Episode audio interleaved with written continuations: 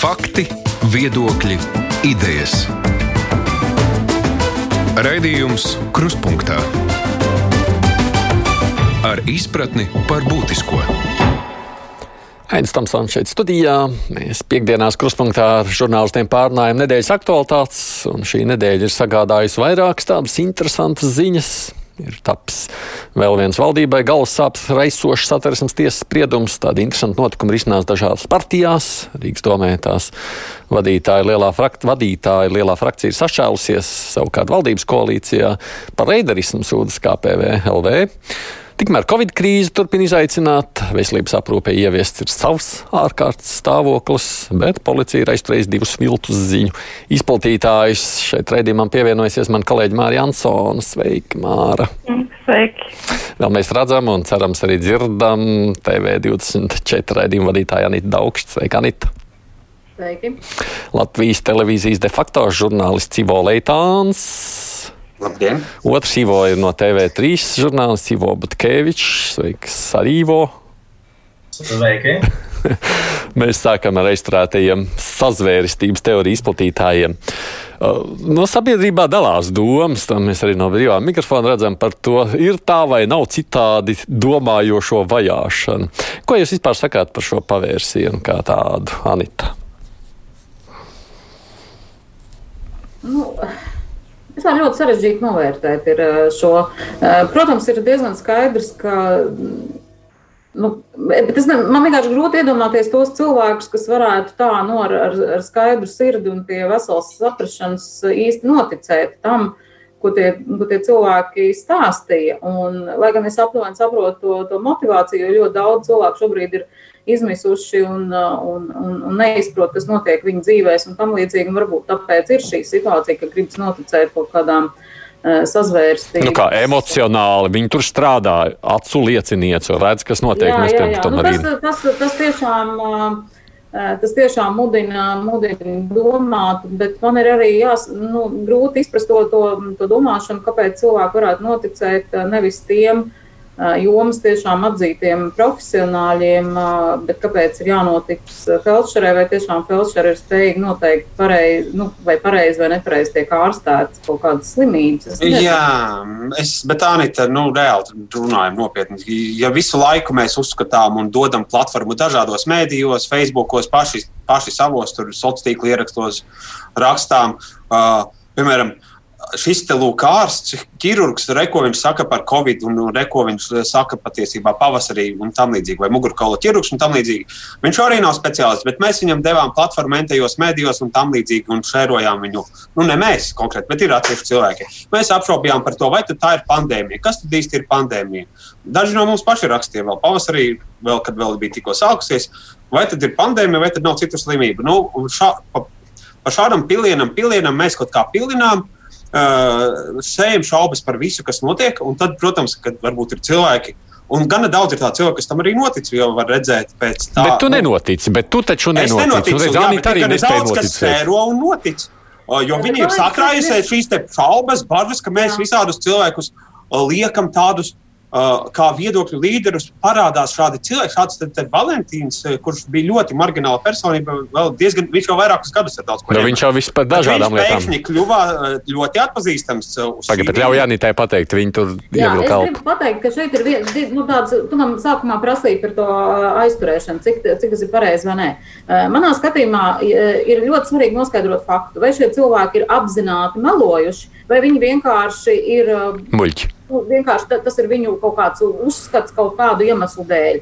Ja, ir, ja šie ir apzināti, apzināti meli un apzināti nepatiesas informācijas izplatīšana, tad tāda šādai aizturēšanai, protams, ir bijis pamats. Savukārt, ja, ja šie cilvēki ir vienkārši nokļuvuši kaut kādā, nu, es nezinu, um, tie ir viņa personiskie maldi un tam līdzīgi, tad man šķiet, ka šādai aizturēšanai konkrēti nu, ļoti liela pamata nav. Iespējams, es nezinu, kādā veidā notiek kaut kādas preventīvas sarunas, bet tā kā es saprotu, ka vienam pat ir piemērots apcietinājums, mm -hmm. es nopri, nos, nu, varētu iedomāties, ka tur ir kaut kāds pamats, ka ir notikusi kaut kāda ļaunpr tiešām ļaunprātīga rīcība. Nu jā, ja viņi tīpaši kā drošības līdzekli nelaiž ārā, bet Ivo Butkevičs zina, redz, viņš to teiks. Nē, zina, ir tāds interesants uzstādījums.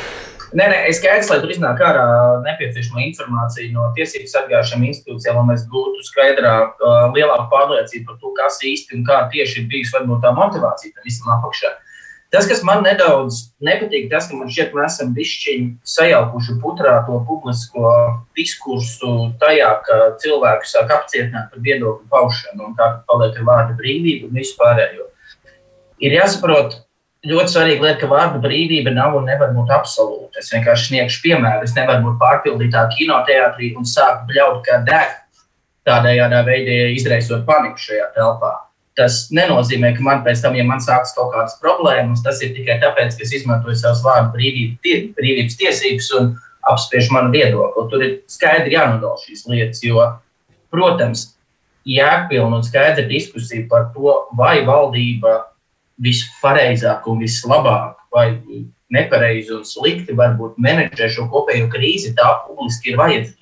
Tā ir normāla situācija. Un gan mums, kā žurnālistiem, gan arī sabiedrībai, tiešām prasīt šos jautājumus, kāpēc mēs darām šā, nevis tā, kāpēc mēs sekojam to valstu, piemēram, nevis citam. Tas ir saprotami, bet, nu, protams, skaidrs, ka visam jābūt kaut kādas normas robežās, un neviena no kaut kādām pamatvērtībām, tā skaitā, piemēram, vārdu brīvība, nevar būt absolūta. Ir skaidrs, ka mēs zinām, ka mums ir arī citi likumi, kuros ir atrunāta naida kurināšana. Mēs nevaram aicināt vardarbību. Nu, nevajag pārprast to, ka jebkurš viedoklis, paliekot to apakšā zem frāzes, viedoklis automātiski ir. Diskusija, nu, diskusija par to maskas nesāt vai nē, tā ir vārda brīvība vai nav. Kur viņa sākas, kur viņa beidzas, vai ne? Nē, nu, diskusija ir viena lieta, ir diskusija ar viedokļiem, kāpēc nesāt vai nē, bet uh, tomēr runājot par šiem diviem cilvēkiem, um, es pieļauju, kāpēc viens ir joprojām apcietinājumā, bet otrs, cik es saprotu, ka nav ka viens no šiem cilvēkiem, eh, viņš jau ir iepriekš eh, bijis zināms kā tāds, kurš eh, grib būt populārs, kurš grib būt politiķis.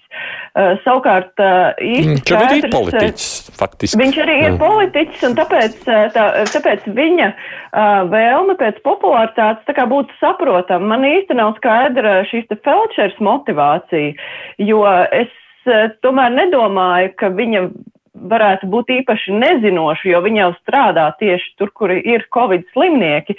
Bet, uh, Mani, man mazliet aizķēra tas, ko teica mums pirmdien intervijā Liena Cipula. Viņam arī, protams, neatiecināja tieši šo konkrēto gadījumu, jo arī viņai nebija versija, kāpēc šī Felčera tā runā, bet Viņa teica, ka nu, var gadīties, ka cilvēks, kurš ir ilgstoša stresa apstākļos strādājis, un tā ir vieta, kur tiešām ir ļoti ilgstošs stress, ka nu, šim cilvēkam var nu, parādīties tāds iekšēji vēlme noliegt situāciju un nu, ka, ka tas ir arī saistīts ar tādu stresu un pārslodzi. Nu, un tāpēc eh, viņi, protams, neteica, ka tas ir tas, tas gadījums, un arī es tā nesaku, jo es vienkārši to nezinu.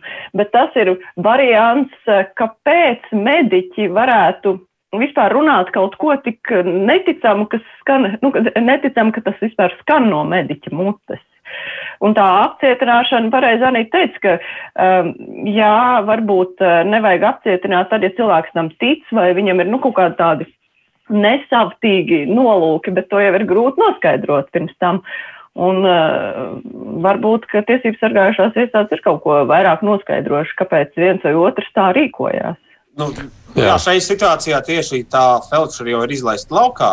Mm. Un uh, palicis ir uh, šis te. Jeremējums. Tā devētais kā zaļais Valentīns.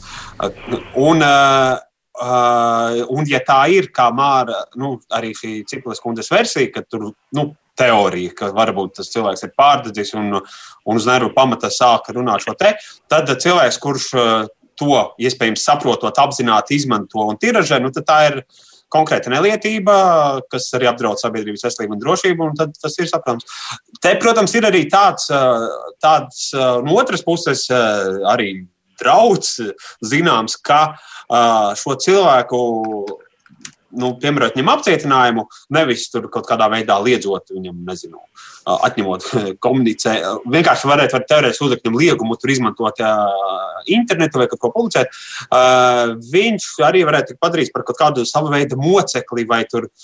Tautas varas frontes, kā viņš devē tos organizāciju varoni un, un, up, un vispār varas upuri, un, un šādā veidā kaut kā mobilizēt. Lai gan uh, Nu, varbūt, varbūt šī ir tāda versija, kas ir pārāk, pārāk, pārāk skeptiska un pārāk. Nu, nu, ir, ir arī teiksim, tas Niks Enģiņš, arī tas piemērs, kā arī tika tomēr arī aizturēts un kādu laiku pasēdēja cietumā, kurš uh, izplatīja arī pirmos. Uh, pirmās nepatieso informāciju par uh, pretējā situācijā, par to, ka, kad mums vēl nebija koronavīrusa, viņš izplatīja stāstu, ka mums ir un cēla paniku par to, ka mums jau ir sākušies gadījumi. Šeit ir no otras puses stāsts, ka tiek apgalvots, ka nu, viss ir izdomāts un ka ārsti indējot pacientus. Bet mums vajadzētu tā kā uzzināt, sabiedrībai būtu vērts zināt, kas tad bija par pamatu tieši šeit krimināla procesam, ne, tas, vai ne? Jā, neapšaubām. Jā, tieši tā. Es domāju, ka pirmā. Tas, nu, palaist garām nav bijusi oficiālā informācija no, teiksim, nav, nē, nav, cik es zinu. Tādas informācijas nav bijis. Bet ko es, ko es gribu teikt, ir jāskatās šo viedokļu dažādību. Protams, nosaka arī uh, lielā mērā tas, ka mēs runājam par pilnīgi jauna veida saslimšanu. Es esmu vairākas reizes runājis ar dažādiem zinātniekiem, un es arī novēroju to, ka kopš um, pavasara un kopš janvāra viņu viedoklis ir vairāk kārt mainījies. Un es domāju, ka arī jūs visi, būdami žurnālisti, esat novērojuši to, ka sākotnēji paustie viedokļi par uh, saslimšanas uh, cēloņiem, izplatību, uh, dažādu prevenciju, kā to, kā to novērst, uh, masku nēsāšanu, nenēsāšanu ir mainījušies laika gaitā. Un mēs nevaram pateikt, ka kad ir kaut kādas bijušas jau no paša sākuma absolūtās patiesības. Un es, es arī saprotu iemeslu, kāpēc tas, tas tā ir, un to saprotu, es domāju, arī visi. Mēs saskaramies ar pilnīgi mm, kaut kādu jaunu, jaunu parādību, ar ko mēs neesam saskārušies. Ir pilnīgi normāli, ka pat speciālisti ir uh, apjukuši šajā, šajā situācijā un pauž dažādas uh, iespējas pretrunīgas viedokļas, un iespējams viņi nav nebūt ļaunprātīgi. Um, iz, nav ļaunprātīgi savos, uh, savos izteikumos vai savos spriedumos. Un, um, Nu, tik daudz, es, to es arī saprotu. Jā, ne, tā droši vien tā atšķirība varētu būt šajā gadījumā, runājot par šo felčeru, kas jau apgalvoja, ka tur jau tiek faktiski eksperimentēts ar cilvēkiem, tiek nogalināti cilvēki. Bet ja arī šajā ziņā tiesa nav tomēr arestējusi, vai arī laikam nav prasīts tas drošības līdzeklis. Acīm redzot, Jeremēju gadījumā ir kaut kas vairāk. Un tad jau liktos domāt, nu, mēs redzam Twitterī šobrīd to versiju izsakot, ka cilvēkiem šķiet ar vien vairāk likties, ka kāds kaut kur tomēr to apzināti koordinē vai organizē un meklē tur vai no austrumos vai vēl kaut kur šo. Jā, nu, bet, bet mēs taču lasījām visu, ko bija teicis valsts prezidents šim te portālam, aizsardzības ministrijas portālam saraksts par to, ka aicinājums uz masku nenēsāšanu viens no hibrīda kara elementiem. Protams, nebija kaut kāda, nu, tāda iespējams plašāka skaidrojuma, kāpēc prezidents tieši tā uz, uzskata, bet, bet ja mēs uzticamies kaut kādā ziņā prezidenta rīcībā esošai informācijai, nu, mums, es domāju, pietiekoši nopietni būtu jāskatās jāskatās uz šādiem paziņojumiem. Tas gan taisnība. Es nolasīšu vēl Aleksandru rakstīto. Viņš saka, tā, tā problēma ar maldinošu informācijas izplatību un tās uzņemšanu lielā sabiedrības daļā ir tas, ka ir liels apjoms ar cilvēkiem, kuriem tādi cilvēki, kas ir priekšgalā nozarēs, tur žurnālisti, politiķi vai sabiedrībā zinām cilvēki, tie viņus personīgi neuzrunā. Viņiem tā tiek uztverta kā elite, un tad liela daļa sabiedrības paši jūtas outsideri. Līdz ar to meklē tādas attiecīgas žurnālistikā, politikā un citur. Un tā nav tikai šo cilvēku problēma, jo mēs gribam panākt vienotu sabiedrību. Nu, tā ir, jā, ka nu, viņiem ir būtiski nu, tie cilvēki, kurus jau sabiedrība atzīst, tie viņiem šķiet nav derīgi. Vajag sameklēt jaunus kādus, nu, kur ir tādi outsideri, kā viņš raksta. Labi, ejam uz priekšu, skatoties tālāk notikumos, citādāk mēs aizrunāsimies pārlieku par vienu un to pašu tematu. Starp citu, rītdien, rīt taču viss notiks, vai ne? Tur viņi pulcējās, mums tur arī saka, nu kā tur viss nāks rīt, tie, kas tur. Mācītājs un tas ūdens dīvainā izplatītājs un kas tur vēl, nu, outsideru sajūta. Es, starp citu sazinājos šodien ar pasākumu organizatoriem. Nu, viņi nav tik rožainās, rožainās, rožainos noskaņojumos par to, kas tur eh, vispār varētu notikt. Tāpēc. Viņiem ir jāievēro ļoti stingri ierobežojumi, ko viņiem uzliek Rīgas, Rīgas doma, saprotu, pašvaldības policija un citas iestādes, kuras, ar kurām ir jāsaskaņo šo pasākumu norise. Es Bet ar kuriem tu runāji konkrēti? Jo tur, man liekas, arī. Runāju. Ar kuru? Ar Rosniku. Ros, à, tur, ja, tur ir divi pasākumi. Viens, jā, kas ir jā, jā, gājiens, un otrs, kas jā. ir tas krastmalas, kur arī tur, tur saprotu, ir ļoti dīvaina tā struktūra, jo to it kā ir pieteicis vides aizsardzības klubs oficiāli. Kurš norobežojas? Kurš, kura citi valsts locekļi no tā norobežojas. Tad tur ir uh, informatīvo kampaņu organizēja Jānis Pļaviņš, raksta par cilvēkiem, kuri tur uzstāsies. Tie cilvēki, tad daļa no viņiem paziņo, ka nē, ka viņi nekur neuzstāsies, ka tas tā nav. Līdz ar to tur vienkārši saprast, kas īsti ir tas, šis vienotais organizatoru tīkls ir arī nedaudz haotisks. No, nu, publika ir raiba, protams, es pieļauju arī ļaužu atbalstītāju pulks varētu būt raibs. Interesanti būs paskatīties. Nē, nu, cilvēki arī vācas palasīt dažus reģionālos fórumus, avīžu, tur cilvēki tur raksta. Bet, nu, es tur taisos braukt uz Rīgu, man ir pusiņš, kurš tur piesakās, bet es redzu, ka tur tas formā ierakstīts pirms dažām dienām, un cilvēks rakstā, ka neviens nepiesakās, kur tad jūs te visi tik aktīvi, bet neviens negrib braukt. Tā kā bet varbūt tas ir. Bet mēs arī varēsim labi redzēt, cik, tad, eh, nu, Jā, cik daudz ir vai, tādu, vai vai ir daudz mm -hmm. cilvēku tādu, kur ir gatavi iet eh, pret visiem ierobežojumiem, jo, nu kā, ja viņi ir pilnīgi pret ierobežojumiem, tad jau teorētiski viņiem vajadzētu nepakļauties tai kārtībai, kas tagad ir noteikta eh, pulcējoties. Nu, ka viņiem vajadzēja būt vienalga, vai tur ir ierobežojums vai nav. Nu, mēs redzēsim, cik tad ir tādi, kas ir nu, pilnīgi un galīgi noskaņot un gatavi iet ar krūtīm uz ambrazūru par to, ka viņam neko nevajag ierobežot. Tā kā Berlīnē ja, kaut kur, jā, apmēram. Jā. Nu, Man liekas, tās, tā motivācija, tā motivācija ir, ir patiesībā vēl, nu, viņa, viņa ir jā, nu, jānoskaidro un jāizprot. Es domāju, ja Tā kā bija pieteicis, pieteikuši tie organizatori, kas ir 11. novembra krastmalā, viņi bija, kā es saprotu, aicinājuši valsts amatpersonas, ministrus, lai tie viņiem sniedz atbildes uz jautājumiem. Nu, protams, ir skaidrs, ka nekādas valsts amatpersonas, nekāda ministra, ne viņa, ne ģirģents, ne neviens no tiem, kas tur bija aicināts, ka viņus turien nenāk. Prezidents, man liekas, arī bija aicināts. Neko nevienam neskaidros. Tas arī, tas uz arī tiesu bija aicināta, publisko tiesu tur bija rakstīts. Jā, jā, nu vai viņi, vai, kāpēc ir izvēlēts tieši šāds veids, lai uzdotu jautājumus, nu, arī, arī grūti, grūti pateikt, bet, nu, Nu, nav grūti pateikt, nu, tie cilvēki, kas organizē radiozas personības, kas visu laiku dara šīs dīvainās lietas, Jānis Pļaviņš regulāri zvana visiem pa mobīlo un ieraksta to un rāda, kā viņš visu ko jautā. Viņš ir zvanījis man, viņš ir zvanījis daudziem kolēģiem, viņš vakar zvanīja, kad aizvakar tiesas sargam Jansauram. Nu, nu, viņi tā dara, nu, viņi ir savdabīgi, es teikšu, nekautrējoties, dīvaini cilvēki, kas dīvaini izpaužas, uh, un, un tāds ir viņu modelis. Nu, tāpēc tur nav ko brīnīties par to viņu formu. Es vēl gribēju runāt par Covid kontekstā, to jautājumu par ārkārtas situāciju, kas tika izsludināta veselības aprūpē, tā kā nevis par informācijas, jeb ticamības lietām. Es skatījos arī tos uh, tvīts par šo ar tādām nesaprašanām, kas mums katrā nozarē tāda vajag savu ārkārtas situāciju, nepietiek ar valsts ārkārtas situāciju. Tur to jēgu jūs saprotat, uh, nu tad varbūt nākošā ārkārtas situācija varētu būt nezinu, mediju jomā, policijā. Līdz galam to jēgu ir grūti saprast, jo no vienas puses, nu, ja ir tagad ārstniecības iestādēm brīvākas rokas pārkārtot savus pakalpojumus, nu, ārstniecības iestādēm jau bija uzticēts pārkārtot savus pakalpojumus. Un viņi jau to darīja, vai ne? Tieši tā, lai tās nodrošinātu to, kas ir jānodrošina. Uh, Roberts Furmans Twitterī arī ap, uh, savukārt uh, teica, ka šai ārkārtas situācijai vajadzēja būt vēl ātrāk, lai gan arī to es līdz galam nesapratu, kāpēc vajadzēja būt jau ātrāk, jo, uh, nu, ko tas uh, būtu tā praktiski tīri mainījis. Būtu labi, ja viņš tā kā vairāk to izskaidrotu. Bet uh, es nezinu, vai tas kaut ko tā īpaši mainīs. Varbūt tikai pievērsīs uzmanību tam, ka cik viss ir ļoti nopietni.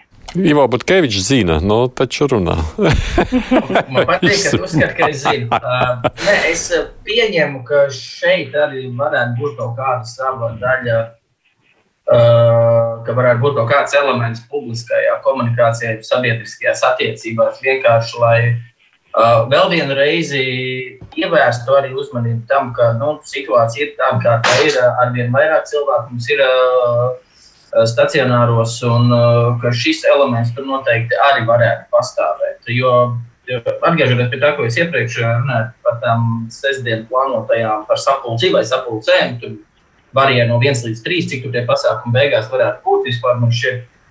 Ir jāsaprot, ka labi, mēs varam tur var domāt, vai nedomāt, ka tie organizatori, tā galvenā struktūra ir tā, dīvaini vai kaut kā tamlīdzīga. Tā ir viena lieta, bet ir skaidrs, ka joprojām ir milzīga sabiedrības daļa, kurai ir ļoti grūti. Ir ļoti grūti šajā laikā, pirmkārt, ekonomiski, ir ļoti grūti jāstāsta, kā šis laiks ir arī mentāli iespaidot cilvēkus, jo laiks ir grūts un skaidrs, ka ir cilvēki, kuri var pavilkties uz šādām idejām, jo tiešām ir vienkārši cilvēki, kuriem ir bez darba, cilvēki, kuriem ir ekonomiski grūti, cilvēki, kuriem ir psiholoģiski grūti nesatikt radus, uh, draugus, visu pārējo. Un tāpēc varbūt vienkārši tāds vēl viens vēstījums, ka mēs ceram, ka mums ir ārkārtējā situācija. Mēs ceram, ka mēs tiksim ar šo galā salīdzinoši īsā laikā, un tad mēs varēsim atgriezties nosacīt pie normālās dzīves un vispārējais. Es domāju, ka tur kaut kāda daļa elementu varētu būt tādai vienkārši nu, nosacītam uzsaukumam, ka tiešām ir tiešām traki. Otram īvā savukārt par ārkārtas situāciju veselībā. Ko tas dos veselības aprūpē? Tavuprāt? Es tiešām man ir grūti atbildēt, jo es arī uh, vaicāju arī kolēģiem, kas par šo tēmu tagad specifiski šodien ir interesējušies, ko īsti šis nozīmē. Man viņi godīgi teica, ka viņi arī īsti nespēja to atbildēt. Bet šīs varētu būt tas elements, ko teica Ivo, ka tas ir tā, otrs Ivo, ka tas ir. ka tas Ivo ir. Es nerunāju trešajā personā, kā daži politiķi mums par sevi trešajā personā uzsver. Bet tas ir tāds kā sabiedrisko attiecību elements, nu, lai sabiedrība tā saprastu. Bet man ir zināma skepse, ka uz tādu mazāk apzinīgo sabiedrības daļu kaut kas tāds nostrādās, jo visticamāk ir joprojām mums tā izplatība tik liela. Arī šodienas to, to dati rāda, ka gan mirstība ir liela, gan arī jauno gadījumu skaits ir samērā liels. Jo visticamāk, liela sabiedrības daļa, nu vai ne liela, varbūt, bet nu, būtiska sabiedrības daļa šos te uh, ierobežojumus mēģina kaut kādā veidā joprojām apiet. Varbūt, uh, ja ir aizliegtas vingrošanas, varbūt viņi pulcējas kaut kādos uh, Eh, vingrošanas pulciņos slepeni un vingro kaut kā, vai arī tagad ir manikīrs atļauts, bet kamēr nebija, gan jau kā arī tur staigāja. Es pieļauju, tāpēc arī ir grūti saprast to izsekošanu, jo man versija par to, ka uh, tik daudz cilvēku nesaprot, kur viņi ir inficējušies. Varbūt viņi ļoti labi saprot, bet viņi vienkārši neatklāja, ka viņi ir pārkāpuši ierobežojumus un bijuši uz ballītēm, bijuši kaut kur, un es pie kā ceļa vienkārši šo informāciju nesniedzu. Es, tāpēc arī varbūt mums būtu tas ķēdes izsekojamākas, un tad tie cilvēki tālāk, citi varbūt tur kuriem ir saslimuši, bet viņi tur nedzīvo tajās adresēs. Viņi turpina iet uz darbu, ja viņiem ir mājnieki slimi. Nu, vēl šodien dzirdēju tādus stāstus, ka uh, cilvēks ar temperatūru staigā apkārt. Uh, kurš uh, tagad tikai uztaisīja testu, kad arī viņam sievai sākās līdzīgi simptomi. Nu, re, cilvēks izrādās bija pozitīvs un ilgstoši staigājis apkārt, gājis uz veikaliem, ticies darba vietās ar cilvēkiem. Uh, Tāpēc eh, šo sabiedrību, nu, to PR pasākumu, ka nu, tagad apzināties, ka ir veselības nozarē ārkārtas situācija, esiet apzinīgi. Nu, tie apzinīgie jau vēl apzinīgāki kļūst, bet tie neapzinīgākie vai neko nemainīs. Iedomāsies, šaubos. Bet es skatos, tam man klausītāji vairāk saka, ka tā situācija attiecas tieši tāpēc uz mediķiem. Ozoliņas kundze raksta tas tāpēc, lai varētu vienā darbvietā samaksāt, vienā darbvietā vairāk maksāt virsstundas. Grīnfeld kungs saka, tā tad to varēs izmantot tos mediķus, kuriem nav pagarināts certifikāts. Savukārt pēc kundze raksta, tas tiešām ir tāpēc, lai apietu darba likumdošanu, norīkojot darbā mediķus. Žēl, ka žurnālisti to nezina. Nu. Nē, nē, nē, te ir vēl viena lieta, jāpiezīmē. Tas uh, jautājums jau vairāk ir par to, nevis varbūt, kas būtu tieši šeit, bet vai to vienkārši nevar izdarīt, izdarīt zem kopējā ārkārtējās situācijas lietas. Nu jā, kāpēc vajag specifiski? To var vienkārši atrunāt, manuprāt. Jā, jā, jā es, es, gribu, es gribu papild, papildināt un par šo tēmu runājot, pateikt dažas lietas. Pirmkārt, kā es sapratu no Ilzas Viņķels, un nav nekāda pamata viņai neticēt, uh, Šī ārkārtas situācija formāli ir nepieciešama tāpēc, ka līdz šim, kā es saprotu, slimnīcas vadītājiem nebija pilnīgas tiesības bez pietiekoši operatīvi reaģēt uz dažādu uz teiksim, saslimstības pieaugumu un pacientu stacionēšanu. Līdz ar to viņiem ir tiesības slēgt citas nodaļas un, un novirzīt mediķus uz tieši covid pacientu ārstēšanu. Tas, man liekas, ir, ir pietiekoši būtiski. Kas attiecas uz to bezatbildību vai atbildību. Šobrīd, nu, vismaz pirms dažām dienām, Jurijs Perevoščikovs teica, ka kopumā slimnīcas šobrīd ir pārvērtušās par covid infekcijas perēkļiem. Es šādus vārdus izlasīju ziņu aģentūrā Leita, ko es saprotu, viņš to ir teicis aizsardzības un iekšlietu komisijas sēdē. Nu, tas man liek tādu zināmām, zinām skepsi lūkoties uz tiem cilvēkiem, kas saka, ka bezatbildīgi ir tie, kas ir inficējušies un saslimuši ar Covid-19 un kaut ko viņi nav ievērojuši. Es esmu pārliecināta, ka mediķi, kur ir inficējušies un šobrīd mums ir 500 māsas un 300 ārsti atrodas vai nu izolācijā, vai ir saslimuši ar covid-19, es neticu, ka viņi ir bijuši bezatbildīgi un ka tas ir vienīgais faktors, kāpēc vispār viņi ir saslimuši. Nu, vispār man principā liekas atbaidoši šī ideja, ka var teikt, ka cilvēks ir vainīgs, ka viņš ir saslims. Nu, tas vispār ir kaut kas tāds pilnīgs, pilnīgs absurds. Kā kāds būtu gribējis kaut kur apzināti, apzināti inficēties. Uh, Um, jo, jo tad jau mums arī mūsu cienījamie politiķi nebūtu inficējušies, vai ne? Kā mums te daži. Ne, bet tādējādi būtu jau, ka ir dažādas situācijas. Ir jau cilvēki, kas jā, jā, tiešām ievēro un negrib, un ir cilvēki, kas ignorē apzināti. Tajā pašā laikā ir ļoti svarīgi, kādā veidā mēs runājam par saslimušiem, jo, ja, ja cilvēki tiks kaunināti par to, ka viņi ir saslimuši, ja tiks teikts, ka viņi ir vainīgi, viņi slēps to vēl vairāk, un tāpēc nedrīkst uh, uzskatīt, ka visi ir bezatbildīgi tie, kur ir inficējušies vai kaut ko nav izdarījuši, jo tad cilvēki tikai slēps un būs sliktāk. Vēl. Jā, bet es gribu, es gribu teikt, ka man tieši Rīgas TV 24 vakar bija speciāla izlaidums, kur piedalījās gan profesors uh, Kloviņš, gan profesors Baiba Rozentāla, gan arī uh, vadošais bijušais virsār, virsārsts no Norvēģijas Vestfālens eh, lielākās eh, slimnīcas eh, Ulskopei. Un cits starpā viņš pastāstīja par to, kā ir Vācijā organizēta šī sistēma ar Covid-19 pacientiem. Viņiem jau diezgan sen, neskatoties to, ka tā saslimstība ir mm, pat zemāka nekā nekā Latvijā. Viņiem diezgan sen ir slēgts vairākas nodaļas, un medicīnas personāls ir novirzīts tieši Covid-19 pacientu ārstēšanai. Turklāt, eh, nu, kā viņš minēja, pat rezidentiem eh, alga ir 100 eh, eiro stundā pirms nodokļu nomaksas strādājot tieši ar Covid-19 pacientiem. Jūs varat iedomāties, par kādu konkrēti finansējumu, par kādu atbalstu ir runa. Bet, Bet tā, tā sistēma, respektīvi, kā ir jāpārkārto veselības aprūpe, lai varētu tikt galā ar pandēmiju, Viņa, viņa, tiek, viņa ir tiek realizēta vairākās, vairākās Eiropas valstīs. Es domāju, ka mūsu veselības ministrijai viņiem nekāds velosipēds principā nebija jāizgudro. Viņiem vienkārši bija jāpaskatās un jāparunā ar kolēģiem Eiropā, kuri ir pilnveidojuši sistēmu, lai slimnīcas tiešām nepārvērstos par Covid-19 perēkļiem.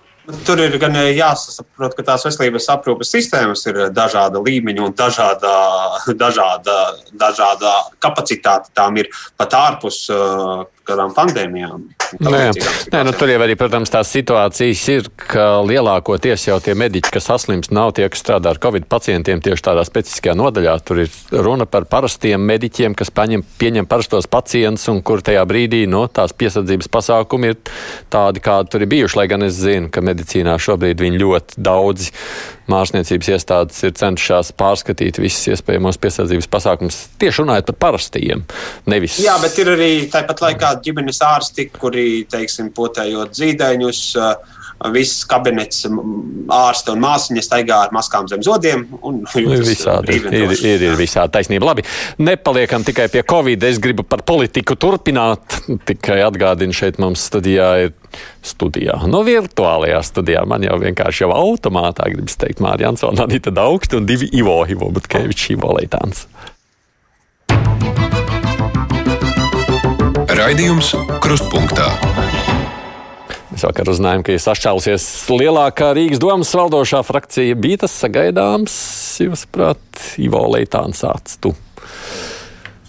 Tas, eh, nu, tas bija kā potenciāls scenārijs, protams, eh, eh, tur gaidāms, vai tur, protams, bija jautājums, no kuras puses tas nāktu, vai tā būtu kā sašķelšanās tāda, ka tur izstājas, vai tā būtu uh, uh, izslēgšana, vai tad, nu, tas konflikts, kas tur veidojās ap Māriju Mičerevski, tur nebija atrisināts. Jo, Uh, tā prasība, kas nāca no Latvijas attīstībai vadības, ka viņš būtu jāizslēdz no frakcijas, nāca jau diezgan sen. Uh, frakcija, kuras vairāk no progresīviem frakcijas vadītājs Mārtiņš Kosovics nu, jau sākotnēji teica, ka nu, viņi neplāno neko tādu darīt, ka viņi neredz problēmas strādāt ar uh, Mičerevski. Nu, tad tur bija kaut kādā veidā tam jāatrisinās. Uh, es pieļauju, ka tas varētu būt ne tāds pārsteigums, tas laika ziņā, ka tas notika tagad, jo uh, varbūt uh, bija citi tur, šīs frakcijas pārstāvji, domāju, ka varbūt jāsagaida.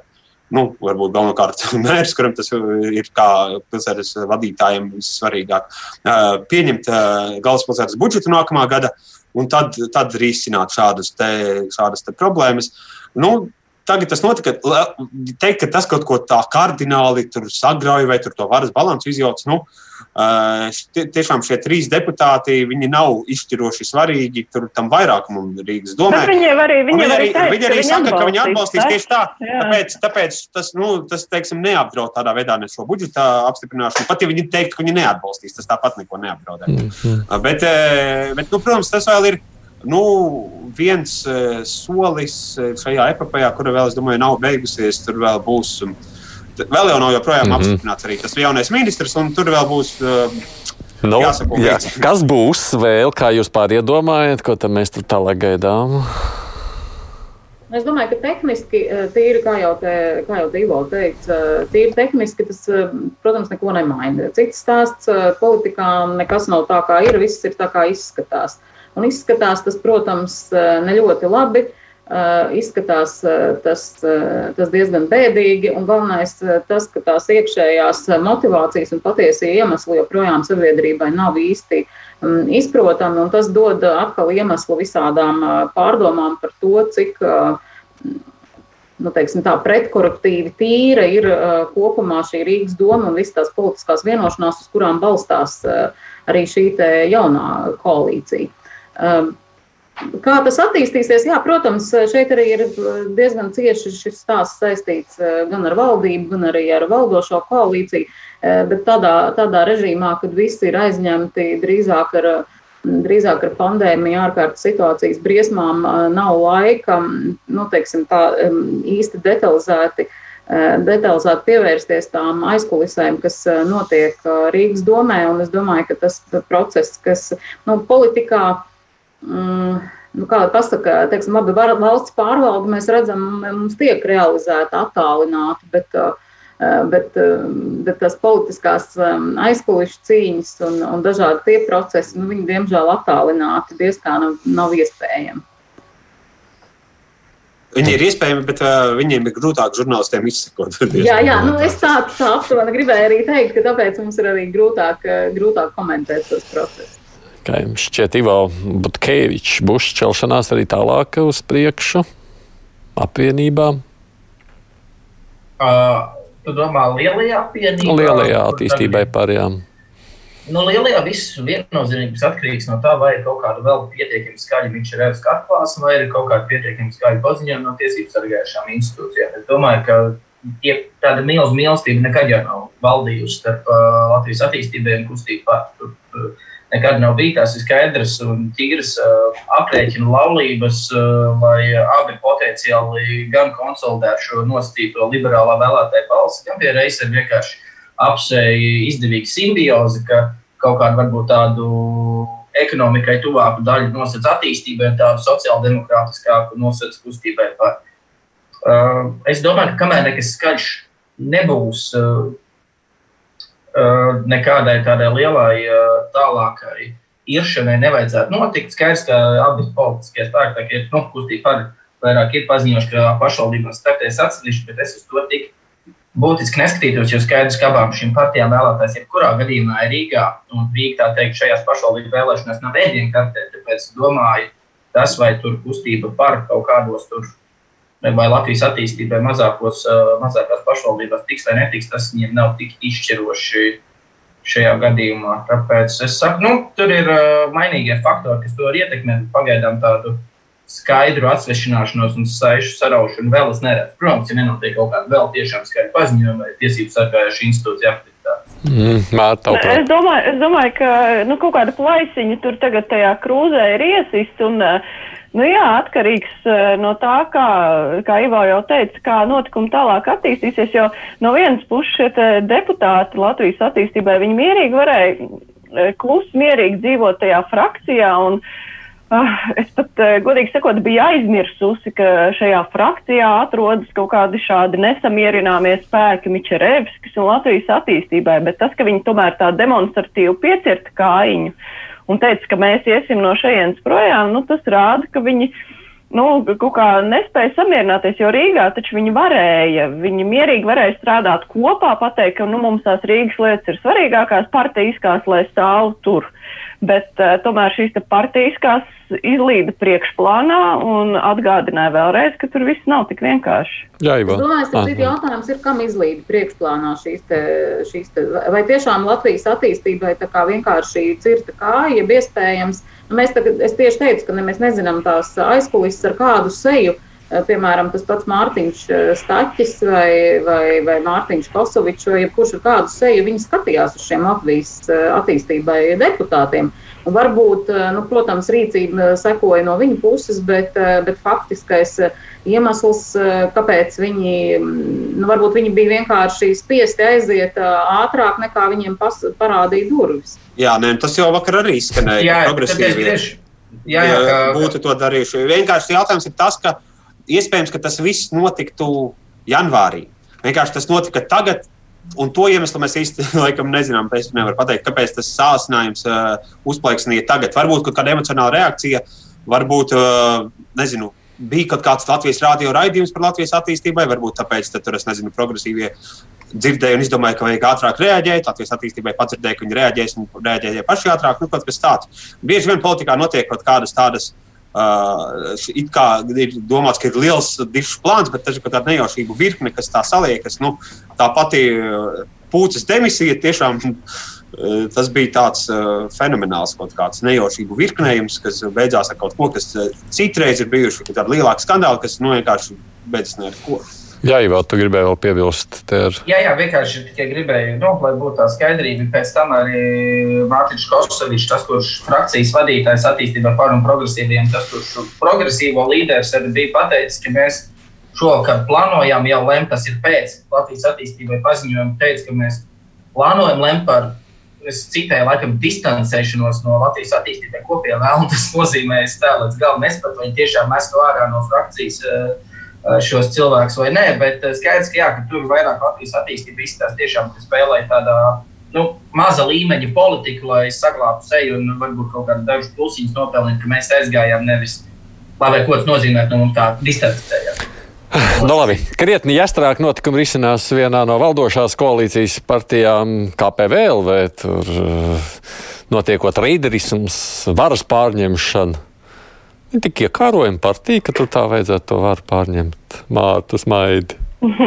nu, zīmols droši vien nav īpaši iekārojams, bet eh, tāpēc arī jo ticamāk liekas versija, ka runa ir par finansējumu, ka gribas, eh, nu, cik nu vēl ir eh, būt pie, nu, pie tiem terās stūris, kas lem par partijas finansējumu, jo pats Eh, šis zīmols ir, eh, nu, pilnīgi ir, eh, nu, nav skaidrs vairs, kas ir partijas seja un kam tas būtu vēl vajadzīgs, jo mm, viņiem drīzāk palīdzētu, ja viņi iet ar kaut kādiem citu, citu nosaukumu vai kaut ko uz vēlēšanām. Tas nozīmē, ka, nu, acīm redzot, tikai finansējums, un iespējams, ka tāpēc arī tika izvēlēts šis paziņojums par reiderismu, kas tomēr vairāk vai mazāk asociējas ar naudas lietām. Uh, un ka tās tur ir pamatā. Jā, jau varbūt Kevičs necēl roku. Te, kurš nu, pirmais runā, tas ātrāk tiek pie vārda. jā, nē, nē, par zīmolus pilnīgi piekrītu arī Mārai, ka nu, pēc būtības tas ir veikums galam, cik saprotu, sestdien arī ir plānā, tad, kad viņiem ir šī biedru sapulce mainīgi, laikam esmu dzirdējis, laikam būs tagad balss Latvijai vai kaut kas tam līdzīgs, tur tas jaunais nosaukums, bet tur viņi vēl laikam spriežot, bet skaidrs, ka, nu, ka pamatā Tagad tas tāds izstāsta pēc tādas čaulas, kur kaut kādā veidā tomēr ir piepildīti cilvēkiem, bet uh, tas kāpēc LV tas zīmols.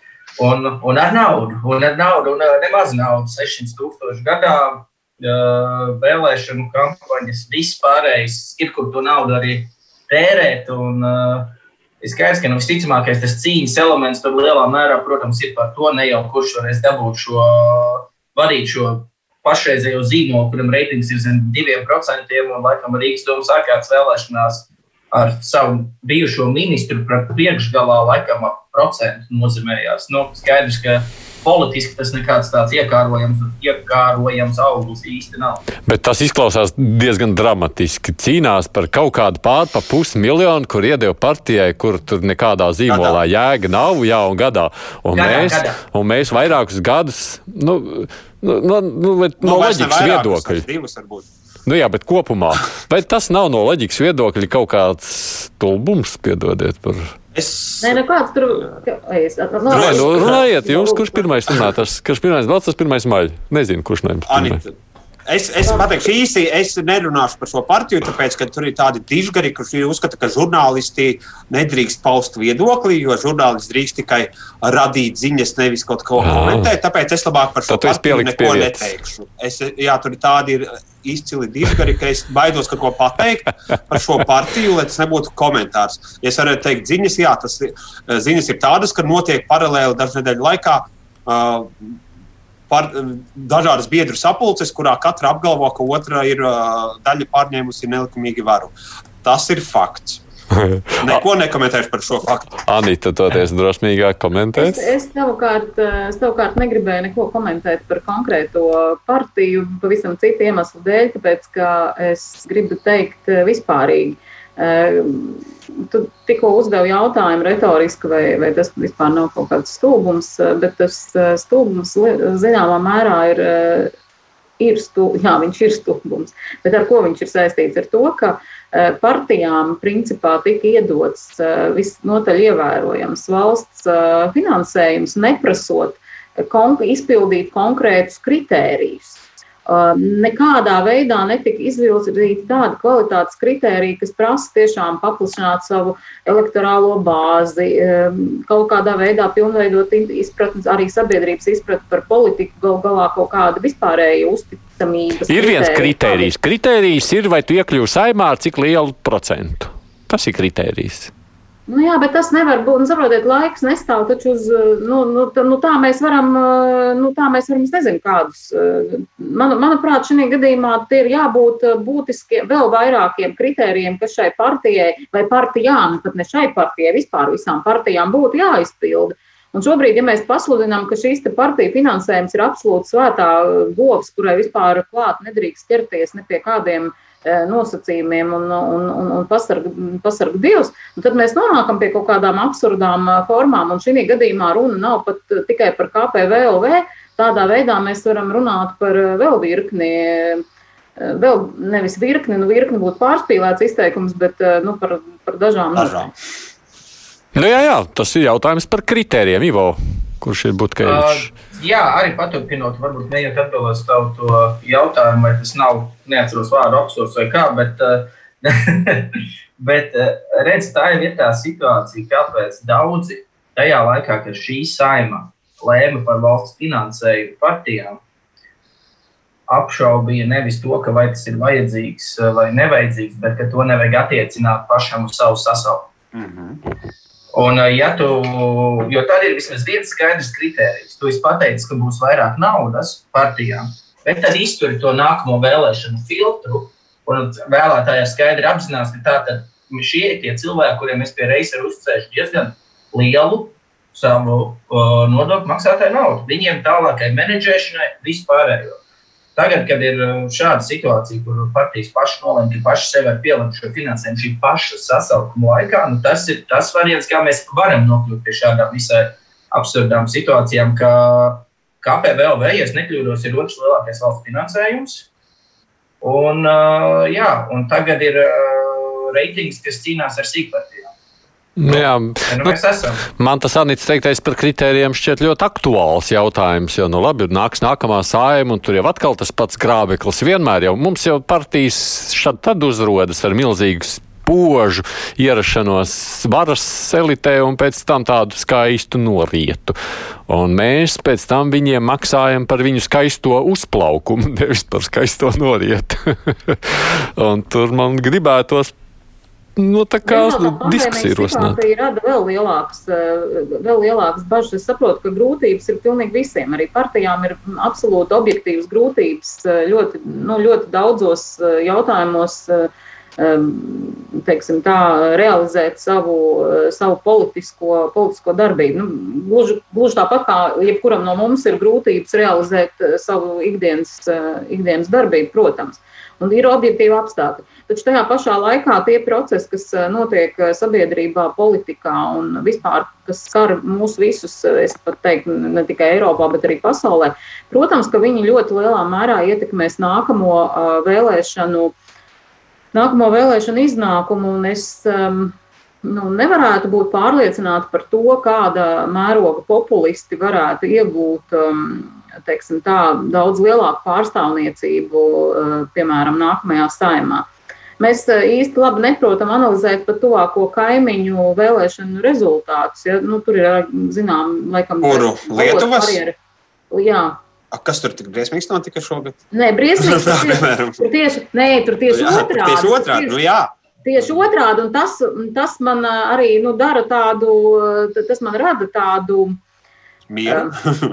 nemieru. Jā, ka es nezinu, vai, ā, vai Latvijā būs ā, līdzīga situācija, vai Latvijā būs gluži pavisam, pavisam citādi. Jo tā, tā mūsu loģika prasītu pieņēmumu, ka ja jau Lietuvā ir tāda katastrofa ar Covid-19 ā, saslimšanu, un principā tur ir šobrīd, var teikt, humānā katastrofa izveidojusies. Tad kāpēc viņiem vēlēšanās neuzvar galēji populisti? Bet tur pie var, varas esoša partija gan zaudēja varu. Nu, tur ir jāņem zaļo un zemnieku vai zemnieku un zaļo Jā, jā, tur ir vecmaiņa notikusi taisnība. Jā, tas jā. gan. Tik daudz, ka ne tādā ziņā, ka tie bija populisti. Tur bija drīzāk stāsts par nu, pozīciju un opozīciju. Jā. Kas visā, ņemot vērā, ka es nepaspēju vēl vienu teikumu, ko es sacīju, pārunāt par satversmes tiesas to vēl vienu lēmumu, kas man likās interesants diskusijas, tāpēc tās pēdējās pāris minūtes paliekam pie šī paša. Kas tad beigās KPVLV tad notiks? Viņi tur nu, viens no grupējumiem iegūs vajadzīgo varu, jā, jā tā var sacīt. Kaut kādā brīdī tur, kaut, nu, tur jāatceras, ka šobrīd partijas vadītājiem ir uh, aktīvs krimināla process, par, kas ir. Uh, Kurš ir jau tiesā, nu, kur arī pandēmija savā ziņā dara tādu lāču pakalpojumu, vai, nu, vai nezinu, kādu pakalpojumu, bet eh, viņš nenotiek ātri tiesvedība, jo tās lietas tagad ir, man liekas, uz februāru tur ir atlikta kaut kāda, kur bija jābūt rudenī. Varbūt tur būtu ātri viss iztiesāts, būtu skaidrs, vainīgs, nevainīgs, un nu, vismaz pirmajā instancē, bet tagad tas viss arī ievelkas. Uh, tāpēc tur saprast, nu, tiešām, kas tur, tur jāpagaida. Man liekas, pirmie posmi ir, ko pateiks uzņēmumu reģistrs par šīm sapulcēm, kuras lēma tur atlaist arī tagadējo Zakatistovu. Manuprāt, tur viena tā sapulce nolēma izslēgt no partijas. Uh, un uh, otra savukārt izlēma tos citus cilvēkus. Tur, tur, man liekas, ir vismaz pirmā fāze, ir šie uzņēmuma reģistri, kur kāda lēmuma par to, lai saprastu, kuras ir īstā vara šeit. Bet vai tas kaut kādu spēlē tādu lielu, būtisku lomu tādā īstermiņā, es nezinu. Un, un arī vispār. Nu, nu, Ilgtermiņā drīzāk nespēlē. Nu, jā, pareizi Ivals saka, ir jāvēlē kāda nu, kompetenta institūcija, šajā gadījumā uzņēmuma reģistrs pasaka, kam šajā situācijā ir taisnība. Bet es domāju, ka mēs līdz nākamajām vēlēšanām, kad arī beigsies šis finansējums, redzēsim ne to vienu, un tad šī problēma izbeigsies pati no sevis. Tāpēc, ka beigs pastāvēt patīkā, bet šo esošo valdības koalīciju tas viss nesagāzīs. Nu, tas viens pats par sevi nezvaigs, bet tur ir visādi apstākļu kopums, kas notiek. Nav jau vienīgais, kas mēs jau izrunājām pirms tam Latvijas attīstībai situāciju un tādu. Tas... Labi, paldies man cienījamie kolēģi, ka jūs veltījāt mums vienu stundu savā dārgā piekdienas laika, lai pārunātu tās nedēļas aktualitātes, kādas nu, mēs šeit šajā dienā pieminējām. Anita Daugšta, TV24 raidījuma vadītāja, Mārija Ansona raidījuma krustpunktā vadītāja, Latvijas radio viens, Ivo Butkevičs nav vadītājs, bet viens no vadošajiem DV Latvijas televīzijas de facto raidījuma žurnālistiem un TV3 neapšaubām viena no sejām Ivo Butkevičs. Paldies jums par iesaistīšanos. Mēs tiekamies atkal šeit ētrā pirmdien. Lielā intervija. Turpināsim šodien aizsākto tematiku gan par viltu ziņām, sabiedrības lielo uzticēšanos, sazvērestības teorijām, gan arī par rīt droši vien gaidāmo pasākumu, kā uz to visu reaģēt. Mums būs saruna ar valsts prezidenta padomnieku nacionālās drošības jautājumos, kādreiz jau savu vadītāju Jāni Kažociņu. Bet kruspunktā šodien izskan producenti Evi Junām studijā bija es Aidis Tomsons.